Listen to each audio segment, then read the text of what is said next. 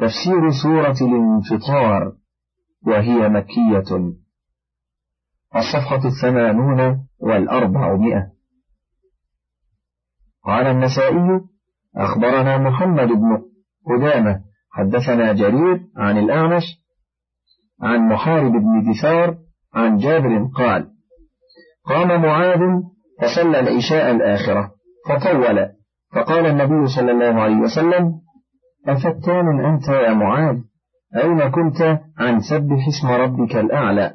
عن سبح اسم ربك الأعلى والضحى وإذا السماء انفطرت. وأصل الحديث مخرج في الصحيحين. ولكن ذكر إذا السماء انفطرت في أفراد النسائي وقد تقدم من رواية عبد الله بن عمر عن النبي صلى الله عليه وسلم قال من سره أن ينظر إلى القيامة رأي عين فليقرأ. إذا الشمس كورت وإذا السماء انفطرت وإذا السماء انشقت. بسم الله الرحمن الرحيم. إذا السماء انفطرت وإذا الكواكب انتثرت وإذا البحار فجرت وإذا القبور بعثرت. علمت نفس ما قدمت وأخرت. يا أيها الإنسان ما غرك بربك الكريم؟ الذي خلقك فسواك فعدلك. في أي صورة ما شاء ركبك. كلا بل تكذبون بالدين وإن عليكم لحافظين كراما كاتبين يعلمون ما تفعلون يقول تعالى إذا السماء انفطرت أي انشقت كما قال تعالى السماء منفطر به. وإذا الكواكب انتثرت أي تساقطت وإذا البحار فجرت. قال علي بن أبي طلحة عن ابن عباس فجر الله بعضها في بعض. وقال الحسن فجر الله بعضها في بعض فذهب ماؤها. وقال قتادة اختلط عذبها بمالحها. وقال الكلبي ملئت. وإذا القبور بعثرت. قال ابن عباس بحثت وقال السدي تبعثر تحرك فيخرج من فيها. علمت نفس ما قدمت وأخرت. أي إذا كان هذا حصل هذا. وقوله تعالى يا أيها الإنسان ما غرك بربك الكريم. هذا تهديد لا كما يتوهمه بعض الناس من أنه إرشاد إلى الجواب. حيث قال الكريم حتى يقول قائلهم غره كرمه بل المعنى في هذه الآية ما غرك يا ابن آدم بربك الكريم أي العظيم حتى أقدمت على معصيته وقابلته بما لا يليق. كما جاء في الحديث يقول الله تعالى يوم القيامة يا ابن آدم ما غرك بي يا ابن آدم ماذا أجبت المرسلين؟ قال ابن أبي حاتم حدثنا أبي حدثنا ابن أبي عمر حدثنا سفيان أن عمر سمع رجلا يقرأ يا أيها الإنسان ما غرك بربك الكريم؟ فقال عمر الجهل. وقال أيضا حدثنا عمر بن شيبة حدثنا أبو خلف حدثنا يحيى البكاء. سمعت ابن عمر يقول وقرأ هذه الآية يا أيها الإنسان ما غرك بربك الكريم؟ قال ابن عمر غره والله جهله. قال وروي عن ابن عباس والربيع بن خيثم والحسن مثل ذلك. وقال قتادة ما غرك بربك الكريم شيء؟ ما غر ابن آدم غير هذا العدو الشيطان؟ وقال الفضيل بن عياض لو قال لي ما غرك بي لقلت ستورك المرخاة. وقال أبو بكر الوراق لو قال لي ما غرك بربك الكريم لقلت غرني كرم الكريم. وقال بعض أهل الإشارة إنما قال بربك الكريم دون سائر أسمائه وصفاته كأنه لقنه الإجابة. وهذا الذي تخيله هذا القائل ليس بطائل لأنه إنما أتى باسمه الكريم لينبه على أنه لا ينبغي أن يقابل الكريم بالأفعال القبيحة وأعمال الفجور. وقد حكى البغوي عن الكلبي ومقاتل أنهما قال نزلت هذه الآية في الأسود بن شريق. ضرب النبي صلى الله عليه وسلم ولم يعاقب في الحالة الراهنة. فأنزل الله تعالى ما غرك بربك الكريم وقوله تعالى الذي خلقك فسواك فعدلك. أي ما غرك بالرب الكريم الذي خلقك فسواك فعدلك.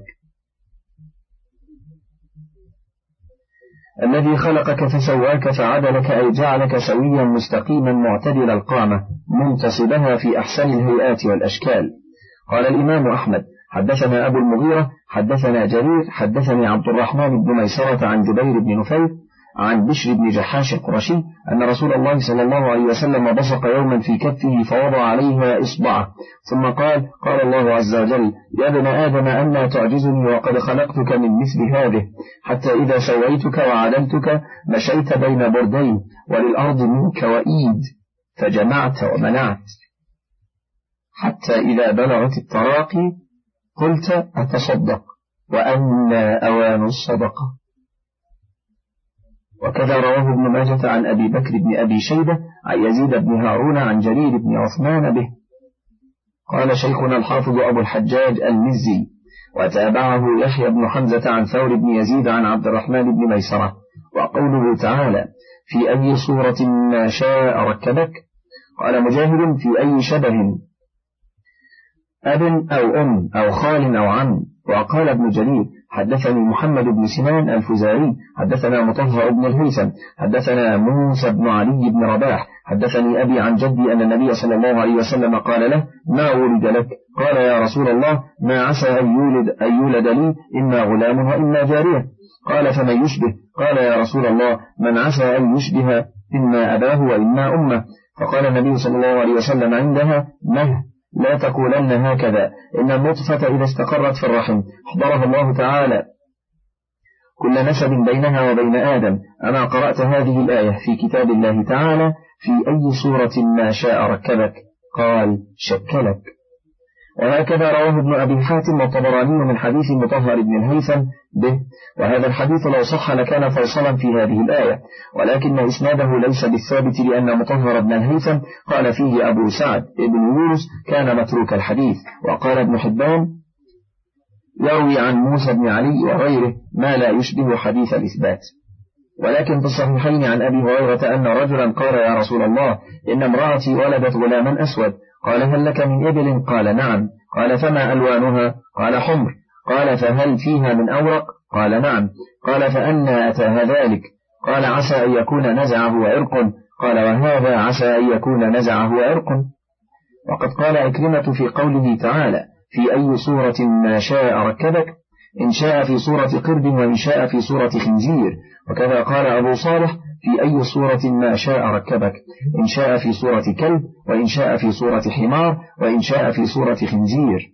وقال قتادة في أي صورة ما شاء ركبك؟ قال قادر والله ربنا على ذلك. ومعنى هذا القول عند هؤلاء أن الله عز وجل قادر على خلق النطفة على شكل قبيح من الحيوانات من الحيوانات المنكرة الخلق. ولكن بقدرته ولطفه وحلمه يخلقه على شكل حسن مستقيم معتدل تام حسن المنظر والهيئة. وقوله تعالى كلا بل تكذبون بالدين أي إنما يحملكم على مواجهة الكريم ومقابلته بالمعاصي تكذيب في قلوبكم بالمعاد والجزاء والحساب وقوله تعالى وإن عليكم لحافظين كراما كاتبين يعلمون ما تفعلون يعني وإن عليكم لملائكة حفظة كراما فلا تقابلوهم بالقبائح فإنهم يكتبون عليكم جميع أعمالكم فإنهم يكتبون عليكم جميع أعمالكم قال ابن أبي حاتم حدثنا أبي حدثنا علي بن محمد الطنافسي حدثنا وكيع حدثنا سفيان ومصعر عن علقمة بن مرثد عن مجند قال قال رسول الله صلى الله عليه وسلم أكرموا الكرام الكاتبين الذين لا يفارقونكم إلا عند إحدى حالتين الجنابة والغائط. فإذا اغتسل أحدكم فليستتر بجرم حائط أو ببعيره أو ليستره أخوه. وقد رواه الحافظ أبو بكر البزار فوصله بلفظ آخر فقال حدثنا محمد بن عثمان بن كرامة حدثنا عبيد الله بن موسى عن حفص بن سليمان عن علقمة بن مرثد عن مجاهد عن ابن عباس قال قال رسول الله صلى الله عليه وسلم إن الله ينهاكم عن التعري فاستحيوا من ملائكة الله الذين معكم الكرام الكاتبين الذين لا يفارقونكم إلا عند إحدى ثلاث حالات الغائط والجنابة والغسل. فإذا اغتسل أحدكم بالعراء فليستتر بثوبه أو بجرم حائط أو ببعيره. ثم قال حفص بن سليمان لين الحديث. وقد روي عنه واحتمل حديثه. وقال الحافظ أبو بكر البزار حدثنا زياد بن أيوب حدثنا ميسرة بن إسماعيل الحلبي حدثنا تمام بن نجيح عن الحسن يعني البصري عن أنس قال قال رسول الله صلى الله عليه وسلم ما من حافظين يرفعان إلى الله عز وجل ما حفظا في يوم فيرى في أول الصحيفة وفي آخرها استغفارا إلا قال الله تعالى قد غفرت لعبدي ما بين طرفي الصحيفة. ثم قال تفرد به تمام بن نجيح وهو صالح الحديث. قلت وأثقه ابن معين وضعفه البخاري وأبو زرعة وابن أبي حاتم. والنسائي وابن عدي ورماه ابن حبان بالوضع. وقال الإمام أحمد لا أعرف حقيقة أمره. وقال الحافظ أبو بكر البزار حدثنا إسحاق بن سليمان البغدادي المعروف بالفلوسي.